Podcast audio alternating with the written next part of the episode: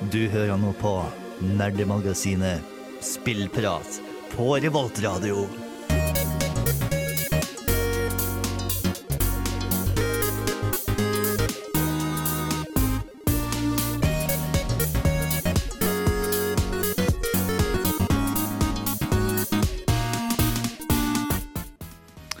Og velkommen til eh, spillmagasinet Nerdeprat på Radio Revolt. Eh, I dag er det jeg, Bård, som er eh, programleder, og med meg i studio så har jeg Tai. Hei. Og Eirik, som er gjest i dag. Hei, hei. Det er hyggelig å ha deg med, Eirik. Eh, godt å se deg her. I dag skal vi snakke om økonomi i spill. Uh, Tai sitt favorittema, og mitt Hey. nest kanskje favorittema. Jeg vet ikke helt. Jeg er veldig interessert i det, jeg også. Og Håkon er Nei, um, Håkon er borte, ja. Dessverre. Det går fint. Han er nok tilbake neste gang. Hva, har du mye peiling på økonomi, Eirik? Eh, økonomi generelt, eh, ja, litt. Ja. Eh, jeg vil si jeg har eh, jo hatt noe valgfag på videregående og studerte litt og sånne ting. Eh, og ja, vært innom et eh, økonomispill i ny og ne. Ja, så bra. Før vi starter sendingen, så skal vi få høre en låt. Vi hører Frugård med Tiden her på Radio Revolt. Haha, du aktiverte nettopp mitt trap card. Nå er du nødt til å høre på nerdeprat til episoden er ferdig. Nani?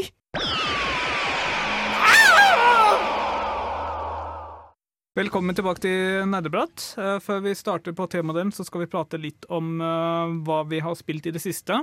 Eh, Men før det igjen, Eirik, så skal jeg gjøre noe som er muligens starten på en ny tradisjon her i Nerdeprat. Hva er ditt favorittspill, og hvorfor?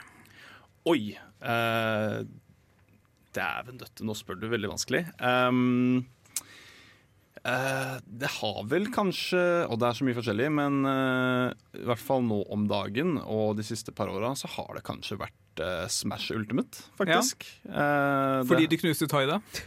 Ja, det hjalp. Det hjalp absolutt. Um, men jeg har, har nok spilt det mest jevnt og flest timer i, i nyere tid. Ja. Um, i, uh, utenom det så er jeg veldig glad i uh, Arkham, eh, Arkham Asylum. Tror jeg Ja. kanskje er mitt favoritt singleplayer-spill. Og Breath of the Wild da, selvfølgelig er også der oppe. Har du spilt disse her i det siste også, eller? Uh, Breath of the Wild er jeg tilbake og besøker av og til for å slappe av eller et eller annet. Finne de der små tingene som er overalt? Ja. Eh, jeg har jo jeg har blitt ferdig med alle shrines og sånt, men så er det de der Korok seedsene som det alltid går an å finne flere av. Ja. Ellers, hva annet har du spilt i det siste? Um, det har blitt litt uh, Jeg prøvde meg på Skyward Sword HD uh, når det kom ut. Mm. Uh, la inn eh, et par, eh, par timer i det. Um, så er det jo litt uh, småtterier. Mario Kart og um, Jackbox og litt sånne party, partyspill. Nå har vi jo på hyttetur nå i helga, så det ble litt sånn, sånne type spill der. Ja. Um, Hva hva er dommen din på Skyward Sword? Uh, jeg har ikke kommet så fryktelig langt uh, inn i det. Jeg er vel kanskje bare en fire-fem timer, uh, timer inn. Um, men det er jo på en måte det første ordentlige Zelda-spillet jeg har spilt, utenom Breath of the Wild er litt annerledes. Um, men jeg syns det er um, I starten virker veldig bra. Uh, I hvert fall som en grei, eh, grei port. Det virker som det meste funker. Jeg greide å softlocke det to ganger, tror jeg, eh, med de derre Loft Wing eh, tutorial-greia. Jeg har ikke spilt det selv, så jeg aner ikke hva du snakker om. Men, eh, men i det store og det hele ganske, ganske bra, syns jeg. Ja. Noe annet har du lyst til å nevne? Nei, eh, jeg har nå denne uka endelig lasta ned City Skylines. Ja. Eh, prøvde meg på det også. Um, Ble det en bra by? eh, jeg kom ikke så langt, for jeg måtte prøve Eller starte på nytt igjen et par ganger. Ja. Fordi det er mye vanskeligere enn en eh, SimCity, som jeg spilte for et par år siden. Jeg tenkte at jeg skulle plukke opp den, eh, den, eh, det jeg hører er den bedre versjonen. Eh, men jeg tror jeg starta en ny save tre ganger, for jeg faktisk klarte å ikke gå konkurs innenfor den første halvtimen. Så, men eh, til slutt gikk det. Ja, Så det gikk konkurs? Det var ikke sånn at byen ble ødelagt i naturkatastrofe? Nei, det var det ikke. Eh, jeg eh, etter min, min erfaring med SimCity sa jo meg det at Og jeg angrer på at jeg ikke på en måte lagde layouten til veiene og hele byen helt fra starten. Ja. Eh, men i City Skylines så kan du ikke gjøre det, for da går du tom, peng for penger med en gang, og så går du konkurs. Ja, jeg skjønner. Nei, det var uh, bra å høre hva du hadde gjort siden sist. Nå skal vi få høre Canteen Culture av Athletic Progression før vi fortsetter sendingen. 360 no scope.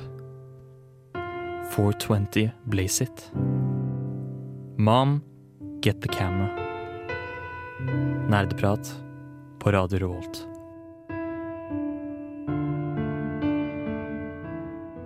I tillegg til å høre Canteen Culture av Athletic Progression, så hørte vi også Killbirds med Cough Up Cherries.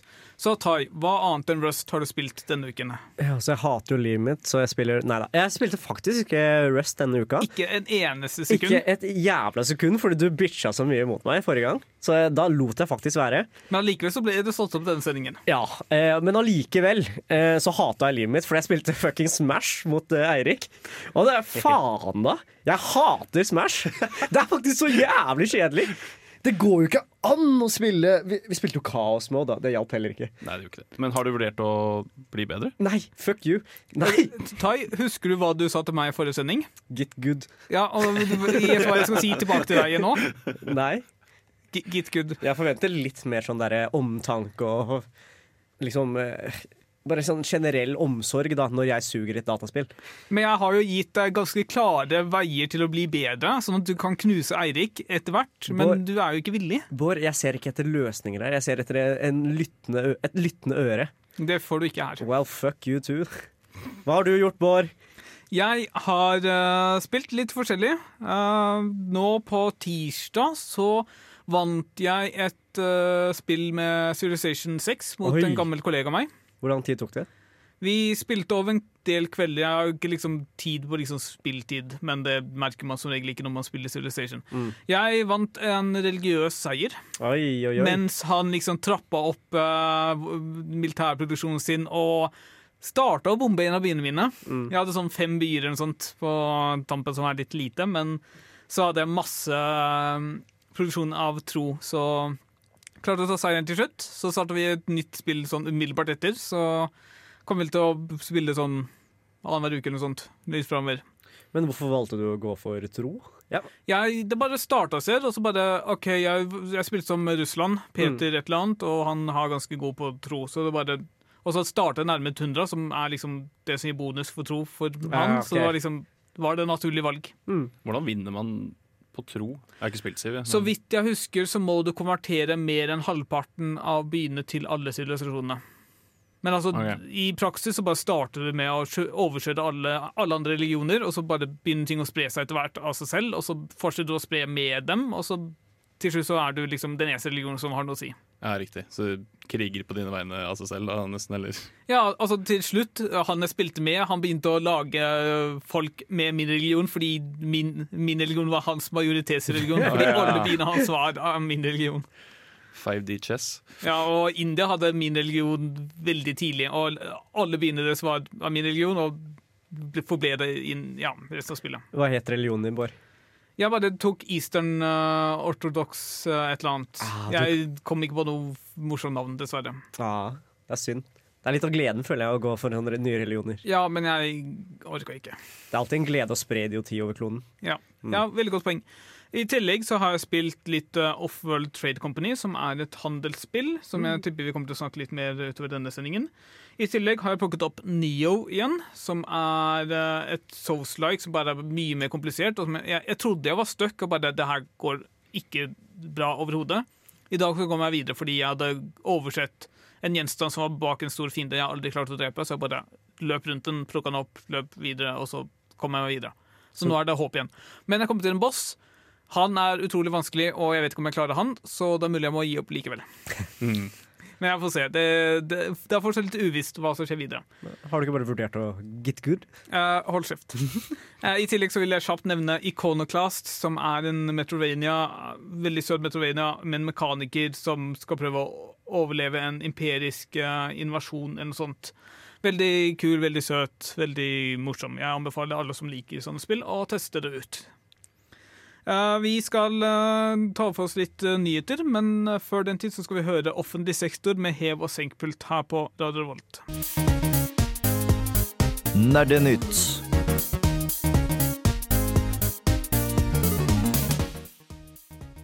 Ja, da er det tid for noe uh, nerdenytt. Uh, Tai, har du noe å melde? Uh, vil du starte med Nintendo-saken? Det er faktisk så morsomt! Jeg kan starte med Nintendo-saken, ja. Eh, altså, For de som ikke har fått med seg, Dying Light har nylig kommet ut på Switch. Dying Light er et zombie-parkour-spill som kommer for en del år siden, og toeren kommer ut nå neste år, tror jeg. sånt. Så nylig ble sluppet på Switch, som sagt. Uh, dessverre kan ikke europeere kjøpe det på Switch, fordi nettbutikken til Nintendo Switch er registrert i Tyskland. Og i Tyskland så er Dying Light bannlyst. Men hvorfor? Jeg vil tippe det er samme måte som uh, uh, det, Hva heter det? Wolfenstein er Ja. også bannlyst og litt diverse sånt. Men det er ganske åpenbart hvorfor det, da. Ja, Jo, Ja. men så har jeg også hørt at uh, i kommentarfeltet her så sto det at det har nylig skjedd endringer i reglene rundt den lovgivningen i Tyskland, men at da, de tror da at Dying Light blir øh, satt opp til liksom aldersgrense rett før den endringen skjedde, da, sånn at de da ble fortalt at de er bannlyst, og så hvis de, hadde da, hvis de nå ber om å bli revurdert, så blir det da kanskje lovlig igjen. Ja, ok. Men hvorfor valgte Nintendo Jeg syns Nintendo ikke skulle ha registrert eh, butikken sin i Tyskland når de vet at tyske regler er så strenge.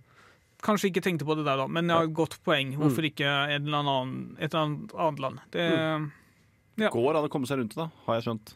Ja. Man kan eh, lage en konto som er basert i et annet land. Eller eh, i Japan, for eksempel, så får man den japanske butikken. Og blir ikke det japansk spill?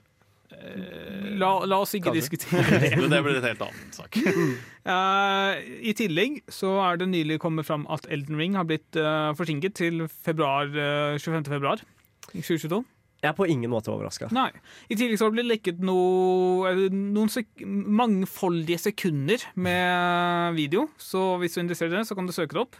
Mangfoldige sekunder. Ja. Woohoo! Ja, ikke sant.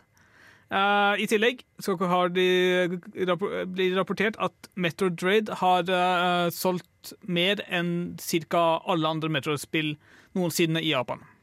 Jeg syns egentlig det er en jævlig god nyhet. Det. Ja, det er definitivt det. Og det er ikke egentlig så veldig overraskende når Switch har solgt som det har gjort, uh, og det har ikke kommet et nytt Metro-spill siden eh, Prime 3, tror jeg, og ikke et nytt 2D-Metro-spill på 19 år, ifølge Håkon. Mm.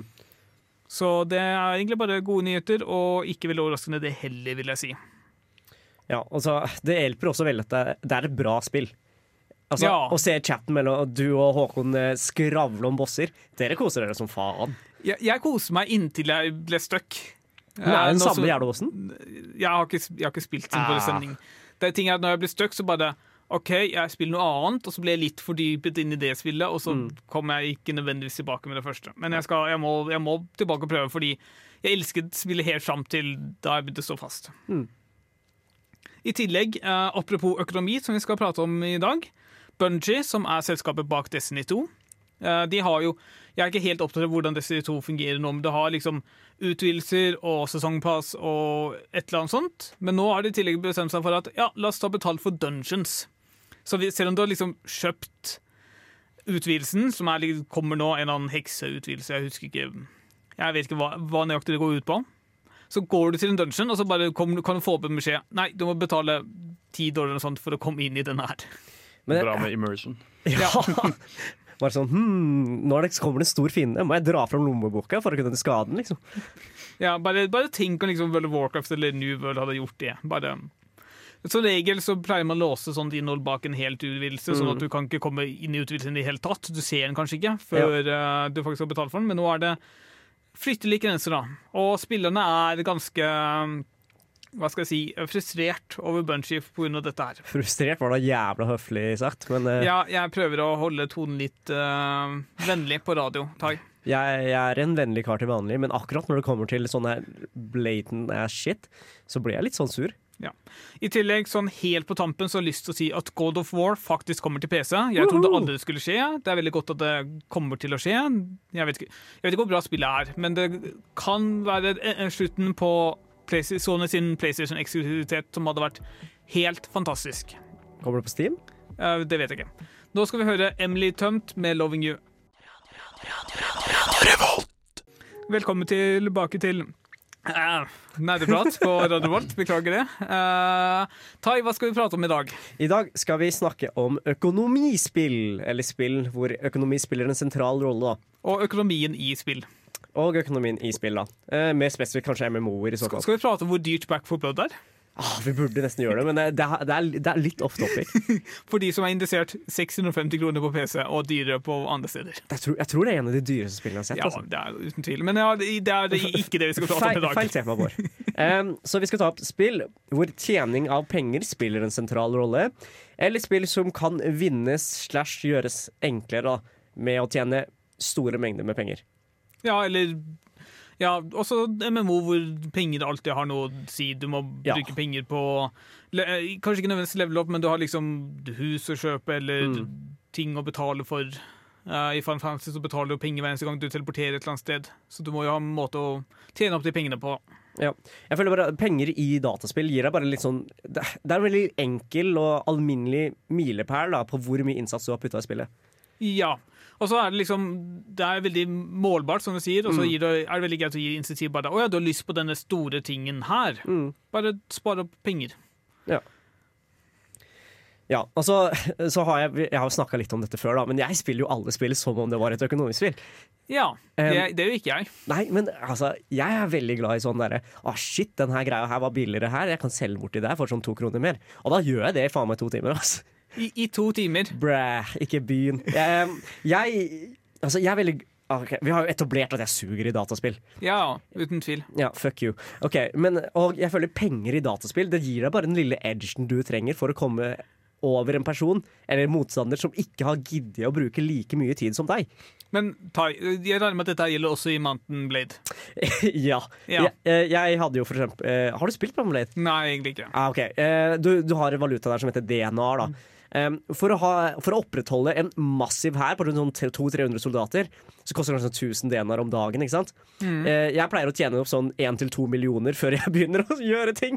Men Tai, hva om jeg i Mountain Blade kommer og bare dreper deg og stjeler de pengene fra deg? Jeg skulle gjerne sett deg prøve, for jeg har kjøpt alt det bra jeg kan. Men du må gjerne prøve. Jeg har jeg har Ting er at, eh, du, når du starter i krig i Mountain Blade, eksempel, du kan, liksom, du kan vinne over fienden med militærmakt, eller eh, politisk makt, men jeg, har jeg bare bruker økonomisk makt. Jeg kjøper mine fiendtlige lords fordi jeg har råd, Bård.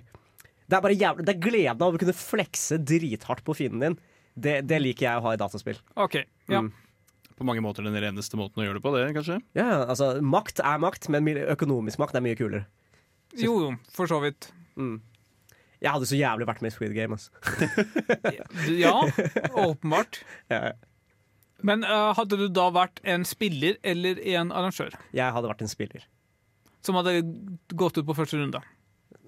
Bård, din, din mangel av tillit til meg er litt absurd. Ok, altså. Jeg hadde ikke greit, betta på deg, Tai. Jeg må innrømme det. ja, jeg hater dere begge.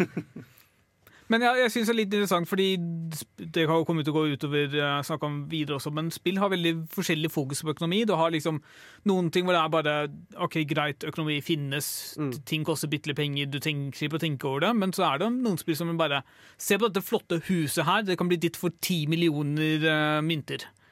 Som så klart ville spare opp de ti millioner myntene, spesielt hvis andre spillere kan se deg eie det ti millioner mynters huset. Og jeg, og jeg synes også Det er veldig absurd på hvor små ting det kan være. Som i for eksempel Runescape. Det er sånn der, du kan kjøpe en hatt som er blå. Og den koster 230 millioner eh, eh, GP, og det, og det tilsvarer sånn 40 000 kroner i virkeligheten. liksom Ja, Det er helt sykt. Vent, da. Dette var RuneScape. Ja. Hvordan har du RuneScape-penger til vanlige penger? Ah, det er veldig ulovlig. Her er vi på den grå siden av loven, både i dataspill og i virkeligheten. Hmm, kan det være være at vi kommer inn, og, inn i det temaet senere? Ingen kommentar. Ja. Nei, men så, så greit, da. Uh, har du noe rene pengespill å anbefale oss, Tai? Uh, rene pengespill. Uh, Annet enn Offer Trading Company. ja, jeg tenker sånn à la Port Royal, hvor du spiller en uh, kjøpsmann. Hvilket av dem? Ah, jeg likte toeren best. Jeg tror jeg egentlig kun har spilt treeren. Ja, dæven, det var synd. Den er, jeg greide ikke treeren. Nei, men uh, Portal 2 er en anbefaling fra Tai. Har du lyst til å bli rik fort? Elsker du kapitalisme og store bedrifter? Stander du Elon Daddy Musk? Stemmer du Høyre? Hva er egentlig greia med hedgefond? Alt dette og mer i Investeringstips med Tai. Ja, vær så god, Tai. Har du noen gode investeringstips til oss, eller bare tips generelt, kanskje? Nei, nå var den her eh, Nå vil jeg si at det var litt misledende. Vi tenker å kjøre litt sånn økonomi 101. Så tar vi litt sånn eh, enkle begrep da, som er viktig å vite under denne sendinga. Ja. Vil du starte med inflasjon og deflasjon, Erik?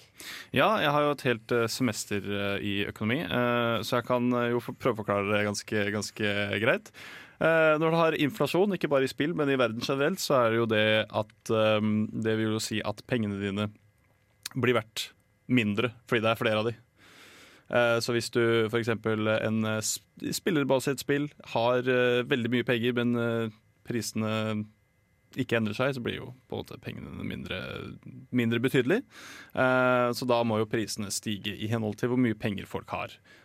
Deflasjon blir da det motsatte, at, du, at pengene dine blir verdt mer fordi det er færre penger å ta av, rett og slett. Ja. Altså Vanligste tingen i dataspill er jo rett og slett inflasjon. Ja, hvis du har en god kilde til penger eh, gjennom spillet og kontinuerlig, så vil og du har begrenset med ting å bruke pengene på, så vil personer bare akkumulere en formue. Ja. Og, og gjerne selge til andre også. Kanskje litt sånn grått på sida. Ja. Ja. Men eksempel på dette er eksempel Skyrim, hvor du, hvor du samler så jævla mye dragebein og drageting. til slutt, og, du, og som har vært veldig mye, da. Men så gir deg veldig mye penger, men du har jo ikke nok ting til å bruke pengene på. Ja, altså På samme måte som du spiller alle spill som et pengespill. Jeg spiller alle spill som liksom et eselspill, hvor jeg bare fyller sekken min med alt mulig. Og så reiser jeg et sted og så selger det, og så går jeg tilbake og fortsetter. Men her har jeg motsatt problem. Jeg selger ting jeg trenger for penger jeg ikke trenger. Jeg vet ikke hvorfor, men jeg tenker sånn i tilfelle jeg trenger pengene. Jeg har aldri trengt pengene. Men her er det også viktig å nevne liksom, eh, forsyning og etterspørsel. Ja. Hvis du har uendelig med dragebein, så etter hvert så vil eh, de dragebeinene miste sin verdi. Mm. Og spesielt når kjøpmannen du prøver å selge til, får mindre penger å betale med. ja. Som er blant annet skjer i Skyrim. Mm. Altså Vanlige ting på det her Det er, det er jo mest MMO-er som sliter med inflasjon, deflasjon og Ja, etterspørsel og sånt. Det som er veldig interessant i et MMO, er at um, altså På et ferdig produkt, f.eks. type maten du trenger for å gå i kamp, Mm. kan eh, gå veldig mye ned i Eller altså opp i pris, fordi det er veldig populært å kjøpe det. Mm. Mens råvarene kan det være at folk bare glemmer å tenke på og fortsatt har den samme prisen, fordi det er ikke like mange som kjøper råvarer for eksempel, til Ja. å produsere den maten du trenger. Ja. Og så er det spill som snur hele greia om ned, sånn i en RuneScape, hvor du, eh, du får jo XP av å lage tingen. Så da er, tingen, eh, da er sluttproduktet verdt mindre enn originalproduktet. Ja, fordi når det er mange som, når det er mange som gjør en opp, opp uh, Altså lager en ting for å få XB og levele opp, sånn som i alle MMO-RPG-er, Mm. så vil prisen på sluttproduktet være så, vært så mye mindre enn prisen på råvarene, fordi alle trenger råvarene til å levele opp, men ingen trenger sluttproduktet. I hvert fall i like stor grad. Ja. Jeg syns egentlig en dårlig ting i dataspill, altså. Ja, men det, jeg, det, det er, jeg har- et poeng, fordi det uh, gjør, eh, altså, gir en noe å bruke penger på. Ja. Fordi hvis det ikke hadde vært det, så hadde bare folk hatt evig med penger, omtrent. Og det, det, det gjør også at du må investere litt for å kunne lage de beste tingene. Som Mm. også er et poeng for å liksom ha ordentlige markedskrefter. På samme måte som du jeg er ikke født ekspert i, en ekspert på smiing. Du må liksom trene opp ved å bruke materialet på å bli flinkere. Og så kan ikke de tingene vi selges like lett som det av en mester, men du blir flinkere, og så etter hvert så bygger du opp et rykte og kan lage ordentlig gode ting som selger bra. Og så har vi New World, som greier av en eller annen grunn å faktisk ha deflasjon. Ja, eh, Så vidt jeg har skjønt, så er mesteparten av pengene du får gjennom spillet, får du, får du mens du leveler opp. Så når du kommer til liksom toppnivået, så har du ingen stabile pengekilder. Og må, jeg vet ikke engang hvordan du stemmer på den måten. Da må du begynne å selge ting. Men de som har fått med seg at det er deflasjon, bare tviholder på pengene sine og vil ikke gi dem fra seg på noe som helst måte. Som igjen fører til deflasjon. Ja. Mhm. Som, ja, så var det, det er jo eiendomsskatt i fuckings eh, New World. Eh, 10 hver eneste uke. Ja, hvis du skal kjøpe hus i New World, så må du betale eiendomsskatt ukentlig. Ja. Det er faen meg Jeg har et hus i Final Fantasy. Jeg har ikke betalt noe som helst siden jeg kjøpte det i, for et år siden. eller sånt. Men det er altså ingen stabile inntektskilder. Men allikevel så har du skatt. Ja. Ja, men Kjempebra. Altså, Du kan jo ha stabile inntektskilder, men du, du, du logger ikke på New World for å hogge trær 40 timer om dagen. Liksom. Men altså, selv med det, hvor kommer pengene bra. Du, så vidt jeg vet, så er det, det er ikke så mye du kan tjene på å selge ting til liksom, kjøpmenn i spillet heller, så du har veldig få inntektskilder sånn generelt. Men la oss ikke snakke for mye om designproblemene til New World. Vi skal gå videre og snakke litt om uh, forskjellige typer økonomispill. Incoming! Du hører på Nerdeprat! Tai, du som spiller alle spill som økonomispill, hvordan kan du da dele inn spillene i forskjellige typer spill?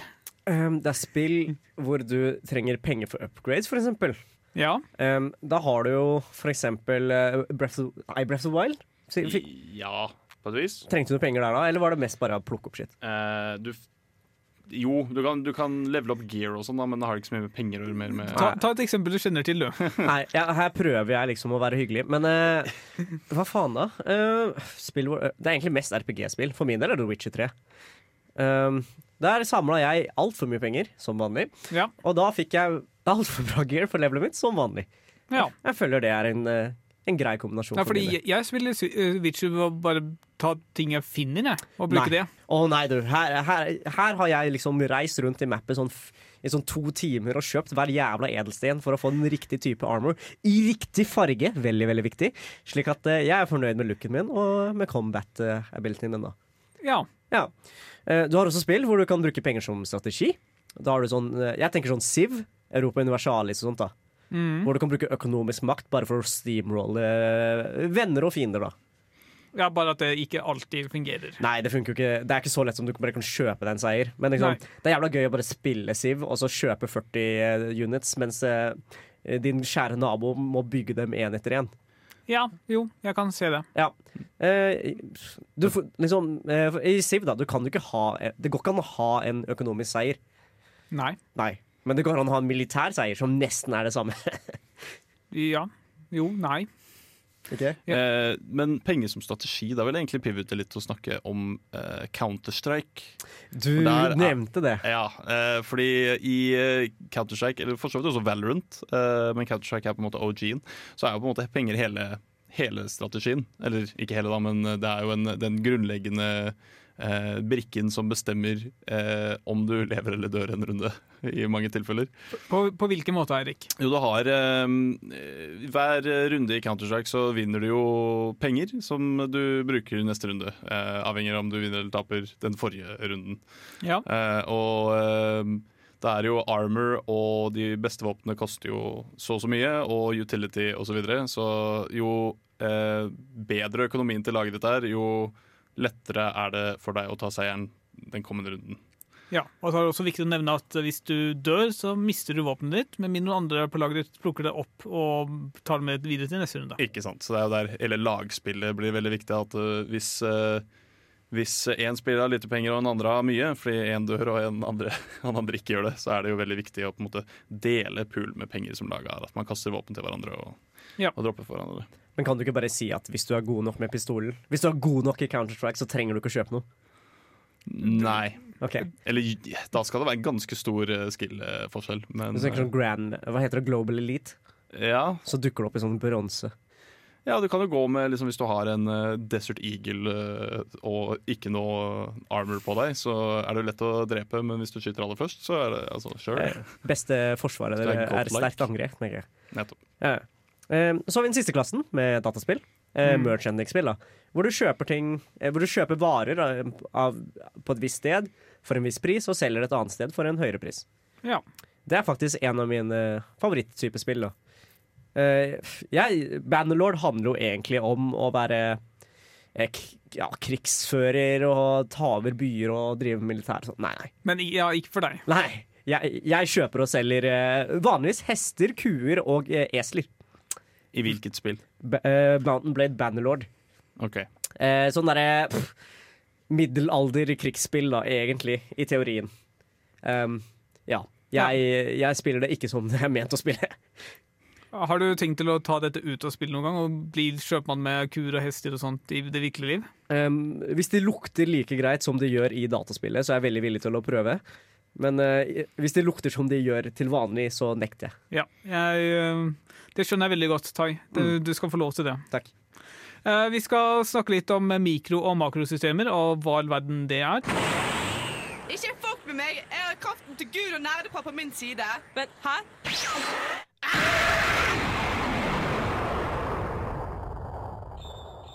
Velkommen tilbake til Nerdeprat. Vi snakker om økonomi i spill og thai. Hva er et mikro- og makrosystem? Jeg skulle ønske jeg visste det, bare, men vi, vi tok det litt sånn eh, vi, jeg, jeg hadde bare ikke en god definisjon på det. Men bare måten spillere interagerer med hverandre i forhold til hvordan de bruker penger, og hva de bruker penger på. Og større trender i dataspill, da. Eh, Ja. I spillet, da. På hvordan eh, eksempel utviklerne balanserer en ting, eller eh, hvilken sesong det er, eller hvilke content som gir mest penger og sånt. Altså, ja, det er jo bare Du har økonomi som er alt, og så deler du inn i Mm. hva som er liksom veldig lokalt og altså, lokalisert til ett område, og så har du hva som er globale trender på tvers av hele systemet. Ja. For eksempel, Eirik, du er en eh, fellow runescape degenerate. Back Ja. in the day. Jeg Har vært, Du har en gang i tiden. Ja, ja, men det er bra du ble kurert. Ja. Det er ikke, det er ikke alle som blir det. Um, år har- nykter. Nei, men ja. Um, der hadde vi for eksempel, det var en god stund for eksempel at uh, Dragon Scimitar da, var en ganske sterk ting å ha. Mm. Um, og da gikk jo prisen på den uh, høyt opp i været. Uh, men så snart neste bedre ting kom ut, og det ikke var det beste sverdet i spillet i mer, da, da falt jo prisen på den rett i dass. Ja. Og dette er da en global Makro- trend. Ja, en makrotrend, ville jeg sagt. da Ja. Eller makro... Økonomi. Makrosystem. Ja. Ja. I tillegg, så for å holde oss til rundskritt, da, hvis f.eks. den serveren du spiller på, har Mm. en akutt mangel på trehogst fordi ingen har levd opp, ingen har levelet opp trehugging på en stund, Mm. så vil prisen på det øke. I f- med kanskje naboserveren, hvor alle hugger trær akkurat nå fordi det er det de har lyst til å gjøre med livet sitt. Ja, eh, Nå er jo Runescape litt rar på den måten at alle serverne deler én central. GE. Ja, men OK, jeg vet ikke hva det betyr. Nei, men, det, betyr, det betyr at eh, hvis du hogger ved på én server, og jeg mangler ved på min server, så får jeg ved fra din server. OK, Mm. greit. Så det, er, eh, det ble jo balansert ut sånn sett. Men du tenk, jeg tenker liksom også på at eh, Jeg husker prisene på noe som eh, en, Et veldig bra healing-item, da. Eh, det skjøt jo faen meg sånn fem til seks ganger i vers da en ny boss skulle komme i Runescape. Ja. Og den bossen skulle visst være ganske vanskelig. Og da, da var det plutselig Da var det plutselig en greie at alle skulle ha den, det beste healing-itemet i spillet. Så klart. Ja, Og da ble det plutselig populært å gjøre ting som ikke var like populært tidligere. Bare slik at man kan lage mer av det healing-itemet. Mm. Stemmer. I tillegg så kan man si at mikroøkonomi også er uh, hva du som spiller liksom velger å bruke penger på og ikke velger å bruke penger på. Mm. Og så når du ser det i større skala, liksom, hva alle spillerne velger å bruke penger på og ikke penger på, Mm. så blir det da en makroøkonomi. Uh, det er et vanskelig tema. Det er, du kan vinkle det på så mange måter. Men Eirik, du som studerer eh, ved BI, som er en viss økonomiskole, har, har, er vi på riktig retning? uh, ja, eh, det vil jeg si. Eh, jeg studerte ved BI. Men, eh, men ja, altså Ja, det er jo riktig definisjon. Mikroøkonomi blir jo på mikronivå. Ja. Er personlig økonomi. Uh, mens makro er den, den, det store bildet. Så, så ja, jeg vil si at dere er absolutt inne på noe der, ja. Nei, altså, jeg, som den degeneraten jeg er, da. Jeg brukte jo Runescape og sin eh, faktisk ganske bra makroøkonomi som et aksjemarked. Ja. Eh, så her satt jeg og spekulerte på priser på ved og eh, fisk og hele pakka, hva enn som helst. Og tjente ganske gode penger på det. Hvor mye kunne du tjene på en dag? Eh, for å si det sånn mildt ehm, den, Hvis du er flink til det, så kan merchanting i Runescape være den beste måten å tjene penger på.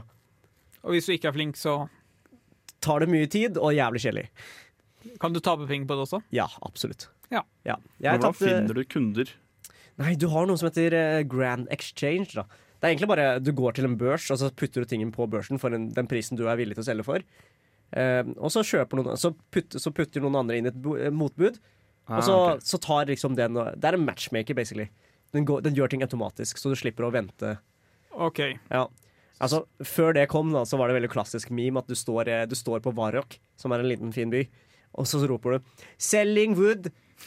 Ja, for det var sånn jeg husker det var. Ja, ja. så det er derfor jeg lurte. Nei, men det var, det var lenge før eh, det her greia, altså. Men mens økonomien var sånn 'selling wood' og står der og 'buying GF', ikke sant, sånne ting. mens økonomien var sånn, det var jævlig lett å tjene penger da. Ja. Du, kunne, du, kunne kjøpe, du kunne stå på ett hjørne av Varrock og kjøpe wood for 15 GP, og løpe til andre enden av Varrock og selge for 16 GP. Ok. Ja, her var det store Hvor marginer. mye boy. kosta en GF, da? En GF kosta alt fra 10K til hvor enn mye penger du har i inventoryen akkurat det sekundet. Passordet ditt. det koster Ja, passordet ditt. Mammaen din sitt kredittkort. Ja. Eh, vi skal fortsette litt på MMO-praten. Du lytter til Nerdeprat fra Radio Revolt. You're listening to Nerd Talk from Radio Revolt. Det stemmer, du hører på Nerdeprat, hvor vi prater om økonomi i spill, og mer spesifikt i MMO. Og vi prata nettopp om Runescape, hvor, eh, som definitivt er MMO. For å gå litt videre, eh, du har også Sånn generelt, eh, i MMO så må du alltid ha ressurser for å drepe en eller annen drage eller jeg vet ikke, koloss eller et eller annet. Som koster penger. Og så kommer det ut et eller annet nytt utstyr som gjør at alt gammelt bare synker i verdi. Sånn umiddelbart over natten. Ja. Har du, hvor, mange ganger skjedde det i Runescape? Tai? Sånn typ tre ganger. Det er, det er jo forbundet sammen med noe som heter power creep i dataspill. Hvor eh, utviklerne, for å gi folk som har spilt veldig lenge, da, mer ting å gjøre i spillet, så, de, så, så, legger, så lanserer de innhold som er vanskeligere enn eh, det som var tilgjengelig før, men da må de gjengjeld også gi bedre eh, rewards, da. Ja, belønninger. Belønninger um, til spillerne som, for å gjøre den vanskeligere tingen, da. Mm. Og da, da får du ofte sånn crap som er mye sterkere enn det som var tilgjengelig før. Og da blir det som var tilgjengelig før, borte, da. Korrekt. Ja, eller borte. Verdiløst over natta. Ja, altså ikke helt verdiløst, men det er Nei. liksom ting som er på et tidspunkt vil- ja, For eksempel å ta i Final Fantasy, da, Mm. eh, hvor eh, du har en slags uh, verdi på hvor god det er til å lage ting. Og den verdien er definert på det utstyret du har på deg. Mm. Så det å lage det vanskeligste utstyret akkurat nå er ca. like vanskelig på samme tid liksom, gjennom hele en utvidelse. Mm. Men så fort du liksom skal begynne å ha det beste utstyret, men skal lage ett trinn lavere, så er det jo mye enklere å få til det du skal prøve å lage. Ja. Så gjør det enklere. Ja. Så dessverre så er det ofte litt sånn at uh, um, ting i dataspill blir ofte verdt mindre over tid, da. Ja, inflasjon, rett og slett. Ja, inflasjon. Men uh, det er et annet spill som kanskje ikke slet med inflasjon på samme måte, ikke sant, Eirik?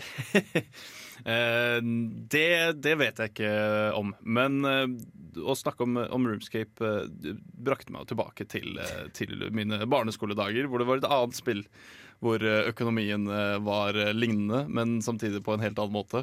Eh, for på barneskolen så spilte jo jeg, og sikkert flere av dere også, uh, et spill som heter for Habbo. Fuckings Habbo. Ja. Um, og Habbo er et spill som uh, Eller Habbo hotell er jo det fulle navnet. Mm. som går ut på at man er eh, masse folk på et hotell, og alle har sitt rom. Og man eh, samler på møbler og penger og uh, dill og dall. Eh, men økonomien der går jo veldig ut på å trade én og én med andre folk. Og da er det mye scamming eh, involvert.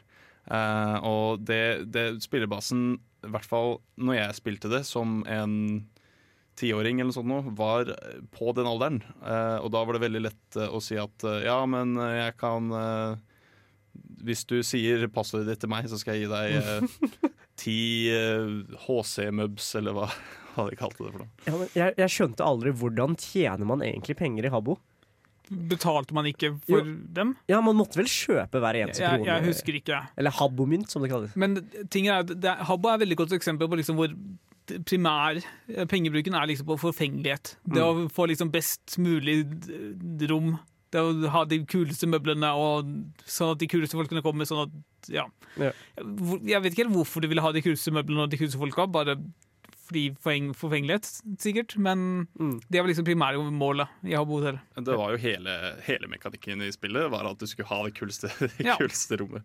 Hadde Men- du jævlig kult rom? Eh, det som var at det, var- det er det eneste spillet som jeg har spilt som et pengespill. Litt uh, à la sånn som du ville gjort det. For det var en gang at uh, Når jeg først starta å spille det, så hadde jeg jo ikke noe Du måtte jo liksom bruke ekte penger på å kjøpe Habbo coins, eller hva det var. Og for å bruke det i butikken og kjøpe, kjøpe møbler. Men jeg hadde en kompis som ga meg en eh, dørmatte, som er det billigste itemet i spillet. Eh, og så etter eh, en måned eller to så hadde jeg greid å liksom trade til og fra meg og ha et rom fullt av, fullt av stæsj. Men hvordan gjør man det? Er det sånn der, å bytte seg fra en penn til en bil, liksom? Bytta du dørmatta mot noe som var verdt mer? Ja, det ble, ble omtrent sånn. Eh, fordi det er jo på en måte Plutselig så møter jeg på en som ah, fader, jeg har alt, men jeg mangler dørmatte. Har du god pris på dørmatte? Og så sier jeg sånn, ja, jeg kan Du kan få en dørmatte hvis jeg får et uh, håndkle pluss en Lampe. eller noe sånt. Da. Og hvis de har for mye av det, så får du kanskje litt god vilje på det. Og så får du det, og så kan du fortsette sånn da, og trade opp med, til mer og mer og mer. Men, men eh, var det, hadde det ikke vært billigere å bare selge det for en habbo-mynt? Og så kjøpe, liksom selge lampa da for en habbo-mynt, og så kjøpe deg en dørmatte? Men det er det som tingen uh, Hvis du har mange gratisspillere, så er det deflasjon. Det er mangel på mynter, så du bytter heller ting mot Ah, ting. Okay. Du vil gjerne, altså, hvis du har for eksempel tre lamper, så gir du gjerne bort to lamper mot en dørmasse som du trenger. Så jeg kan ikke selge lampa mi tilbake til butikken for en habbo-mynt? Kanskje, men du får gjerne bedre handel ved andre mennesker som har for mye ting, Mm. enn å gå til butikken. Jeg tror faktisk ikke du kan, kunne det den gangen, i hvert fall. Ja. Jeg tror du kunne kjøpe ting, men du kunne ikke selge tilbake. Eller så kunne du bare selge tilbake for, et, for tap, da. Mm. Um, men eh, jo, etter jeg hadde gjort det, så ble jeg jo hacka på et tidspunkt og mista alt igjen. Så det var jo et, en Ah. fin reise, det. Ja. La oss håpe at det ikke skjer igjen neste gang du spiller uh, Habbo hotell. jeg tror ikke det er et problem. Eh, vi skal prate litt mer om pengesjuk og hva man egentlig bruker penger på i disse spillene. Oberst, jeg prøver å snike meg forbi vaktene, men lyden av min rumpeblafreng distraherer dem fra å lytte på nerdeprat. Vi skal nå prate om eh, pengesluk, eh, fordi hva er vel et økonomispill uten noe kult å bruke pengene på? Ja. Eller hva? Hva, er det dyreste du har kjøpt i et spill? I, sånn, I et spill? Hva tenker, ekte penger eller dataspillpenger? Nei, dataspillpenger. Uff. uh, det var ikke et pengesluk, da, men det var liksom et spyd som kosta 110 millioner eh, gull i uh, RuneScape. Som eh, tilsvarer sånn solid de, de, jeg bryr meg ikke. seks- 55 til 60 timer ren grinding uten stopp. Men brukte du det selv, eller solgte du det videre, eller hva? Nei, jeg brukte det selv. Det, det, um, det var et item som eh, lot deg drepe en boss fortere. Mm. For å tjene, siden den bossen droppa veldig mye penger. Ja. Så da brukte jeg masse penger for å tjene mer penger, slik at jeg kunne tjene mer penger fortere. Så klart, i, i tradisjonell thai-stil. Ja, veldig tradisjonell thai-stil. Ja. Men så det, det er veldig viktig at uh, når spillerne putter så mye penger i spillet de bare greier, så må du ha en pengesluk. Ja. så typisk eh, Nå hadde jo eh, Hvis vi drar opp Habbo her igjen, altså. Eh, Habbo hadde de der jævla gullbarene sine, og de der gullposene sine. Pengeposene. Ja, de hadde jo en sånn derre eh, abonnementstjeneste som het Habbo-klubb, som eh, gjorde at du fikk tilgang til å kjøpe de mest eksklusive og dyreste greiene i spillet. Eh, så det ble jo på en måte pengesluket å kunne ha den fleksen og ha rommet ditt fullt av de, disse HC-sofaene eller eh, gullbarene eller eh, hva nå enn det skulle være. Ja. Altså, nå tjener du ikke penger tradu på den tradisjonelle måten da, i Habbo, tydeligvis. Nei. Men eh, du kan jo bruke al- Bare gi spilleren noe dyrt som de vet de kan skaffe, og som andre kan se. Tror jeg er en viktig del av det. Mm. Um, I Final Fantasy så har du en del eh, ridedyr som Mm. koster liksom mange millioner kroner. Mye dyrere enn liksom alle andre. men er de kule? Eh, Jeg tror det. Ja. Jeg tror de kan være Hvis jeg husker det, så er det liksom gullversjoner av andre. Oi, oi, oi, Eh, men- oi, oi. Men i, uh, i tillegg, det som er kanskje det beste eksempelet jeg har kommet på i nyere tid, er World of Warcraft hadde en periode et ridedyr som var en langhalset dinosaur, som hadde en auksjonsmester på, på seg. Tingen okay. er at de finnes egentlig kun i byer. Så Blizzard bare sa at ja, nå skal vi selge et uh, ridedyr som har disse på seg, sånn at du kan legge ting for salg på markedet hvor Oi. som helst. Og de hadde en helt latterlig pris. Det var liksom flere millioner, tror jeg, uh, liksom gull. Men det er ikke bare kosmetisk, det gir dem faktisk en funksjon. Ja, men det, altså, det, det sparer litt tid. Ja. Fordi du kan like gjerne bare enten sende det i posten til en figur som står ved siden av eh, auksjonshuset allerede, og sånne ting. Det sparer litt tid og litt penger. Mm. Og prisen var enorm, og det var begrenset periode når det kunne kjøpes. Men det var liksom no, mange, de som lever av å tjene penger i World of Warcraft, og også bare de som hadde, ville ha noe å spare mot, var, gikk og mokk etter dem og kjøpte dem. Kjøpte du en? Jeg spilte ikke spillet da den var Ja. tilgjengelig, så nei, det gjorde jeg ikke. Mm. Nei, dyreste tingen i RuneScape er da en, en, en eh, julenissehatt. Hvor mye koster den? Um, ma max cashback i spillet er 2,147 milliarder. Mm. Eh, den koster sånn solid tre-fire max cashdacks. Så du, du kan ikke ta det på én trade. Du må trade fire ganger over. Ja. Ja. Så altfor mye penger, i, hvis du spør meg, da. Ja, Har du kjøpt den? Nei, er du gæren?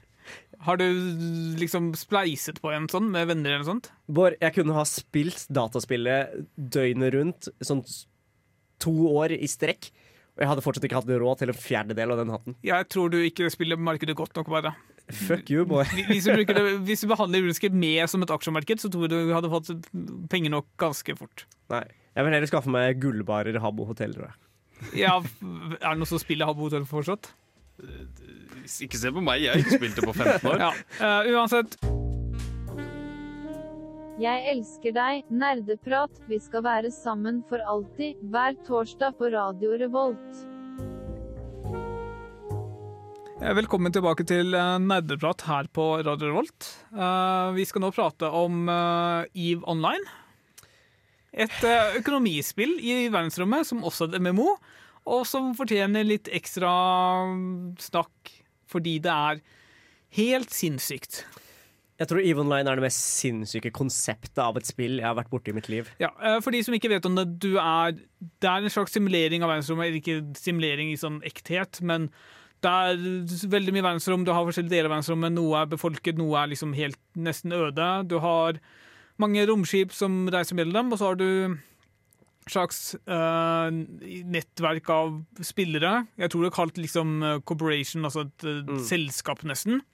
Som kan kjøpe opp liksom nærmest en dødsstjerne lignende den du finner i Star Wars, og kan da utrydde enorme materielle kostnader fra andre spillere. Ja. Og det verste her er jo at uh, du må jo betale en månedlig beløp for å spille det. Det tror jeg. Ja. Og så må du ha en eller annen måte å faktisk skaffe deg skip som du kan være til nytte med. Mm. Og hvis det skipet blir ødelagt, så lurer jeg på om du bare må betale for et nytt et i, altså i valutaen som spillet bruker internt. Credits, tror jeg de bruker. Ja, ISK, som Ja. er liksom intergalaktisk et eller annet. Ja. Men eh, OK, her er det en kule greia, da. Um, noen av de her korporasjonene har et sosialt sikkerhetsnettverk. Ja, det, det tviler jeg ikke på. Ja, Så hvis du blir med i en sånn her korporasjon, um, og du mister et skip i en krig eller blir rana eller noe sånt, så kan du søke om å få et nytt skip fra dem. Da får du et crap skip, men da får du et minst et skip. Sånn romskiptrygd, liksom? Det er, det er sånn, Ja, det er romskiptrygd. Ja. Um, så det er eh, du, du får veldig store fordeler, og du bruker det til å tiltrekke seg større, spilleba- eller større mengder med spillere inn i korporasjonen din. Um, Et annet interessant aspekt med dette her, som ikke er så vanlig, er at uh, alle den valutaen inne i spillet har faktisk en uh, korrelasjon til valutaen utenfor. Som regel så når du, kan, når du snakker om at i en eh, kamp i Ivoland så har det gått tapt så og så mye materielle skader, så har det et pengebeløp i amerikanske dollar. ja. Og, det kommer vel ut ifra at du kan betale for spillabonnementet ditt med ISK. eller så kan du kjøpe ISK ved hjelp av amerikanske dollar. Jeg er litt usikker, for de har ikke spilt Ivoland selv. Men det er et veldig kult konsept som gir liksom en slags Det gir en, noe som er litt mer relaterbart når det kommer til kostnader her. Ja. Jeg syns også det er veldig kult at um, hver eneste lille ting som skjer i EVE Online, um, det er det én spiller da, som har gjort. Så hvis jeg selger eh, Eller hvis jeg skal kjøpe uh, 14 kilo jern av Bård, så er det Eirik som må frakte det jernet fra, meg, eh, fra Bård til meg. da Og sånn, ja. ok, Ja, så Det er tøft. Ja, så da, Du må sette deg et skip, og så fly bort til meg. Det er det, da er det arbeid jeg får betalt for å gjøre, da, i så fall. Eller Ja, Ja. Og det er sånn du tjener penger. ikke sant? Og hver lille ting i spillet, det, det gjøres av en spiller. Ja. Det er jo flere spill som også har adoptert det å ha en korrelasjon mellom um, amerikanske dollar og pengeløp inne i spillet. World of Warcraft innførte jo en sånn token som du Mm. kan kjøpe ved hjelp av 20 amerikanske dollar, og så kan du selge det på markedet inne i spillet for kanskje noen hundre tusen gull. Ja. Og på den måten så kan du da lettere innføre penger inn i, uh, inn i økonomien, og istedenfor å betale for liksom spillere som har blitt hacket eller uh, lurt fra seg pengene sine. Ja. Som er mye bedre enn alternativet, da. Mm. I Runescape så har vi også et lignende system hvor du bruker kjøpe bonds. Du kan kjøpe på bonds med ekte penger, men du kan også selge bonds i spillet for um, For uh, spillpenger, da. Og de kan konvertere bonds til eh, abonnementstid. Ja, og alt dette gjør jo da mulig at du kan spille spillet for å tjene penger, sånn at du kan betale for spillet. Ja. Som er, det er liksom en avhengighet som er liksom selvforsynt. Ja. Du slipper å bruke penger på avhengighet, du bruker Mm. bare ekstreme mengder tid. Ja. Ellers kan du være som meg, da, være sånn på gråsonen og faktisk tjene penger med å spille dataspillet. Ja, men la oss ikke prate om det, da, Tai. Nei, greit. Eh, Nok av har, har du noe mer å si om EVE Online, Tai? Nei. Det er, Nei. det er skremmende. Ja, jeg har, jeg har veldig lyst til å prøve det, men jeg har også veldig lyst til å ikke prøve det. Så kanskje det skjer en gang, kanskje ikke. Hvem vet egentlig? Det vil, eh, det vil tiden vise. Dagens sending av Nerdeprat er sponset av Raid Shadow Le... Ouch! Unnskyld! Unnskyld! Uh, I tillegg til uh, tradisjonell økonomi, så har du såpass nymotens uh, krypto-NFT-økonomi. Det som er interessant her, er at Steam har nylig bannlyst alle NFT- og kryptobaserte spill fra sin nettbutikk. Det skjedde for typ en uke, kanskje to siden. Epic har ikke gjort det nå, i hvert fall. Eh, kommer kanskje muligens alle til å gjøre det. De, jeg vet, ikke hvordan jeg skal tolke svaret. Men Tai, hva er NFT og krypto og dette drittet her? Ok, um, NFT-er, det er eh, det som kalles for non-fungible tokens. Da. Um, så det er et objekt, eller en ting, et bilde um, som, du, som er lagret på en blokkjede, som du direkte kan vise eierskap til. Ja. Så det er et digitalt verk da, som er ditt. Ja. Um, så det er ikke sånn du eier rettighetene for det. Du eier bokstavelig talt tingen. Altså bildet av den steinen, den er din. Ja. Ja. Men det har ikke noe med opphavsrett å gjøre. Nei, det har på ingen måte med opphavsrett å gjøre. Så um, jeg kan fortsatt bli saksøkt for å eie en ting som en NFT. Ja. Som er veldig gøy, da. Mm. Kjempegøy. Og hvordan kan man lage et spill rundt dette her, da? Du kan gjøre tingene i et spill om til NFTs. Så for eksempel hvis Eirik hogger meg ned med en øks, og han og kaller øksen for thaihoggeren, Ja. så kan han lage den, han kan lage den thaihoggeren om til en NFT. Så kan du ta med thaihoggeren til neste spill, for eksempel. Da. Hvis det er bygd på samme blokkjede. Okay. Forhåpentligvis en dag i fremtida er jo eh, nøkkelordene her, da. Så Ja, her- det fordi det, det, det her eksisterer ikke foreløpig. Eh, akkurat nå foreløpig så kan du Jeg tror det Axie Infinity er et spill som er basert på NFTs. Eh, da kan du drepe ting i spillet og så få Axie Infinity tokens. Og så kan du selge Axie Infinity tokens på blokkjeden for ekte penger, som andre kan kjøpe, og så bruke, få de pengene kreditert til brukeren sin i spillet, og så kjøpe ting i spillet. da. Så lignende det vi nettopp snakka om i EVE Online og World of Warcraft, hvor du bruker ekte penger for å kjøpe Ja, penger men, i spillet. ja, men bare her at uh, du kan Du må ikke bruke ekte penger her, nå.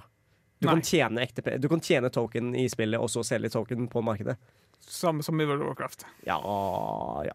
Ja. Ja. ja. Men, eh, det, men World of Warcraft har ikke blockchain. Nei, det, det, det stemmer. ja, ja. Uh, apropos, jeg har også hørt en historie om eh, jeg, jeg leser ikke godt nok til å vite nøyaktig hva spillet gikk ut på, men det var noen som fikk mulighet til å kjøpe en NFT, og så var greia at disse NFT-ene skulle brukes i spill, som typ Pokémon-lignende spill, sånn, hvor du har kamp mellom to personer som har hver sin robot eller et eller annet. Eh, jeg tror ikke spillet ble noe av, men det no, de har noen kule, dyre NFT-ting da, som de kan uh, bruke.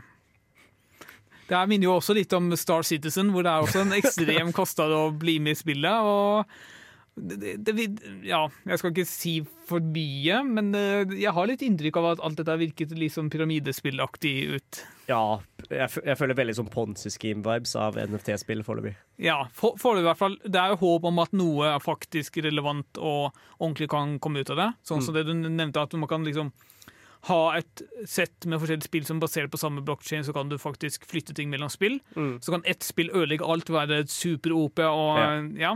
Ja. Det er litt interessant å se hvordan, hva fremtiden bringer oss. Mm.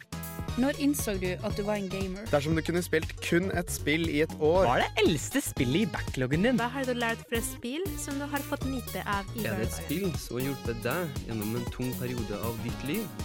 Hva er ukas spørsmål? Hva er ukas spørsmål, Tai? Ukas spørsmål er om du hadde blitt transportert tilbake til en fantasyverden på 1300-tallet, og du fikk lov å ta med deg kun én ting. Hva hadde det vært, og hvordan hadde du brukt det for å tjene penger? OK, uh, kan du si meg hva- 1300-tallet, hva nå cirka hvor jeg- menneskers utvikling er vi da? Uh, jeg sier sånn, tenker sånn ridder. Ridder er greit. Knekt, Knekt og ridder. Litt for tett på vikingtiden. Så, så de har en økonomi, de har penger? De har, de har penger. OK, Og de har drager. Fantasy, ikke sant. ok, greit. Mm. Eh, den, øko den økonomien, de, de, de brukte gjerne gull, gjorde de ikke da? Her brukte vi gull. Ja. OK, jeg, jeg har svaret mitt allerede. Ok. Er du klar, Erik? Ja, jeg er klar. Ok. Eh, vet du hva, dere kan starte, for jeg har ikke shit her, altså, Bård. Skal jeg starte? Ok. Ok, ja, men greit, greit, greit. Jeg samler masse, masse gull. Jeg lager så mange gullbarer. Jeg, jeg, jeg fyller en hel penge... Ok, pengesekk er for lite. Jeg fyller en trillebår. Og jeg, jeg, jeg vet ikke Altså, en enorm mengde med gull, i hvert fall. Bare se for deg en enorm mengde med gulltai. Okay. Du ser det for Ja. deg i hodet, og så ta med det tilbake dit. okay. Og så smelte om til mynter. Så har jeg Så, så, så din hemmelige plan for å bli rik er å ta med deg gull? Ja. Men- Faen, Og altså. kjøpe masse land. Går det Jeg kjøper som- alt land i he jeg, kjøper hele England eller noe sånt. Jeg kjøper et helt land. Og så er jeg da eieren av et helt land. Men eh, teller det som én ting? Ja. Kan du si jeg skal ta med Altså, alt jeg, gullet? jeg, jeg, jeg så teller det som smelter jo om gullet til en gullklump eller en gullbarre. Jeg jeg har verdens største gullbarre. Du har et wrecking ball Ja. med solid gull som du tar med deg til Fantasyland. Ja, nei, jeg, altså, jeg, I'll let it slide, men eh, det er under tvil. Du skal reise tilbake i tid, og for å gjøre deg rik, hva tar du med? Rikdom. Nei, Nettopp. faen. Det er, du, Bård, du er dum. Eirik, Hæ? Nei, du Hold kjeft. Hvor, hvor, Eirik. Tai, hvorfor er jeg dum? Ei- Eirik, hva hadde du tatt med deg, og hva, hvordan hadde du tjent penger med det? Um, nei, jeg har det rette svaret Ah. her, faktisk. Uh, fordi jeg tar med meg uh, nøyaktig én kopi av en uh, opiumplante av et slag. Ta heroin eller noe, kokain. Planter den. Uh, til slutt får jeg en åker. Eh, for hele kongedømmet eller hele verden, kanskje til å bli hekta på det. Mm. Instantly rik. Det er eh, den mest bunnsolide forretningsplanen i verden. Ja, ja, altså, nå kommer jeg med motargumentet. How bold of you to assume that opium ikke eksisterte før 1300-tallet? Ja, ikke den opiumen vi har. Da, da er det ikke opium. Ok, Så din store plan for å bli, ta over verden økonomisk er å bli Ikke på, ikke på, ikke på 1300-tallet. og ta med én opium. Mine avanserte metoder. Hvor- Hvordan faen tror du at det her er det rette svaret? Det er åpenbart det. Det fins jo ikke noen andre bedre, enklere måter å tjene penger på. Ta, kan du ikke være litt mer fornøyd med mitt svar nå? Ja, men Ditt svar er fornærmet mitt svar, Bård. Ok, Hva hva er ditt svar, da? Jeg skal ta med aluminium hjem. Ok, Se her. ok Det var et tidspunkt hvor aluminium var verdt mer enn gull. Så alle kongens kongen sine vanlige gjester fikk jo spise på gulltallerken. Så så hadde du kongen da, og hans kongelige adel som fikk lov å spise aluminiumstallerkener. Men må du ikke ha enorme mengder strøm for å produsere aluminium? Ja, men er Derfor jeg kun- tar med meg aluminiumen. Du må ikke eh, ha strøm, altså. Du kan smelte det, men det er bare jævla ueffektivt. Ja, men Da får okay. du produsert én tallerken, da. Skal du bli rik på den ene Altså Hvis Bård har lov å ta med seg fuckings alt gullet, skal jeg ta med alt aluminiumet. Her tenker jeg liksom Du må også få, greie å få tak i det i nåtid, ikke sant? Men hvordan skal du overbevise Ja, men jeg, jeg kan bruke gullet mitt til å kjøpe gullgruver, så det jeg får mer gull. Du, Hvor mye gull har du på deg nå? Altså, hvordan greier du å ta med deg alt gullet tilbake? Jeg kan kjøpe tonn med tonn med aluminium. Kan du kjøpe tonn med tonn med gull? Ja. Nei, Bård. Hvor rik er du? Jeg, jeg, jeg vet ikke. Ja, for, de, for de av dere som lurer, da. Det er jævlig godt betalt som frivillig radio, eh, radioprater her på Radio Revolt. Ja, du, du må ikke glemme at du er farmasøyt, da. Ja. Det er jævlig godt betalt som farmasøyt også. Ja, alle sammen blir farmasøyt. Ja, ja. Blir som Tai. Ja, bli som meg. Eh, det var uh, veldig fint spørsmål du hadde med til oss, Tai. Vi skal eh, avslutte straks. Du hører på Nerdeprat, spillemagasin på Radio Volt, men nå er vi dessverre ferdig for i dag. Det har vært en veldig gøy sending om uh, økonomi. Eller hva, Tai? Jepp. Jeg liker penger. Og pengespill. Og pengespill. Penger er lættis. Penger er faktisk lættis. Og takk til deg, Eirik, som har vært eh, gjest og fortalt uh, begavet oss med din dyrebare økonomikunnskap. Jo, bare hyggelig. Det har vært eh, kjempekos. Jeg kommer gjerne igjen. Ja, Ja. Er det ikke gøy å få brukt eh, BI-kunnskapen? Altså, han, han gjør jo det hver eneste dag på jobben hans. Ja, sant, sant. Ja, det er mye gøyere å få, endelig få bruk for all den habbo-kunnskapen jeg har sittet inne med i 15 år. Bare hopa det opp. Ja, eh, Neste uke så skal vi forhåpentligvis ha sending om RTS, i anledning at eh, eh, Age of Empires 4 kommer ut. Som jeg, jeg kommer ikke til å spille så mye, men jeg har store forhåpninger til at uh, serien kan bli uh, Gjenopplivet? Ja. Takk, Tai. Det var akkurat det ordet jeg lette etter. Som et tips på vei ut så vil jeg anbefale dere alle å sjekke ut Humble Bundle. Der er det en pakke med masse slåssespill som er veldig sterkt anbefalt av Tai og meg og Håkon. Så kos dere med det. På vei ut så skal dere få høre Baby No Money med Yoga feat Rebecca Black. Ha det bra. Ha det. Ha det. Du lyttet nettopp til en podkast fra Radio Revolt. For å høre flere av våre podkaster, gå inn på radiorevolt.no.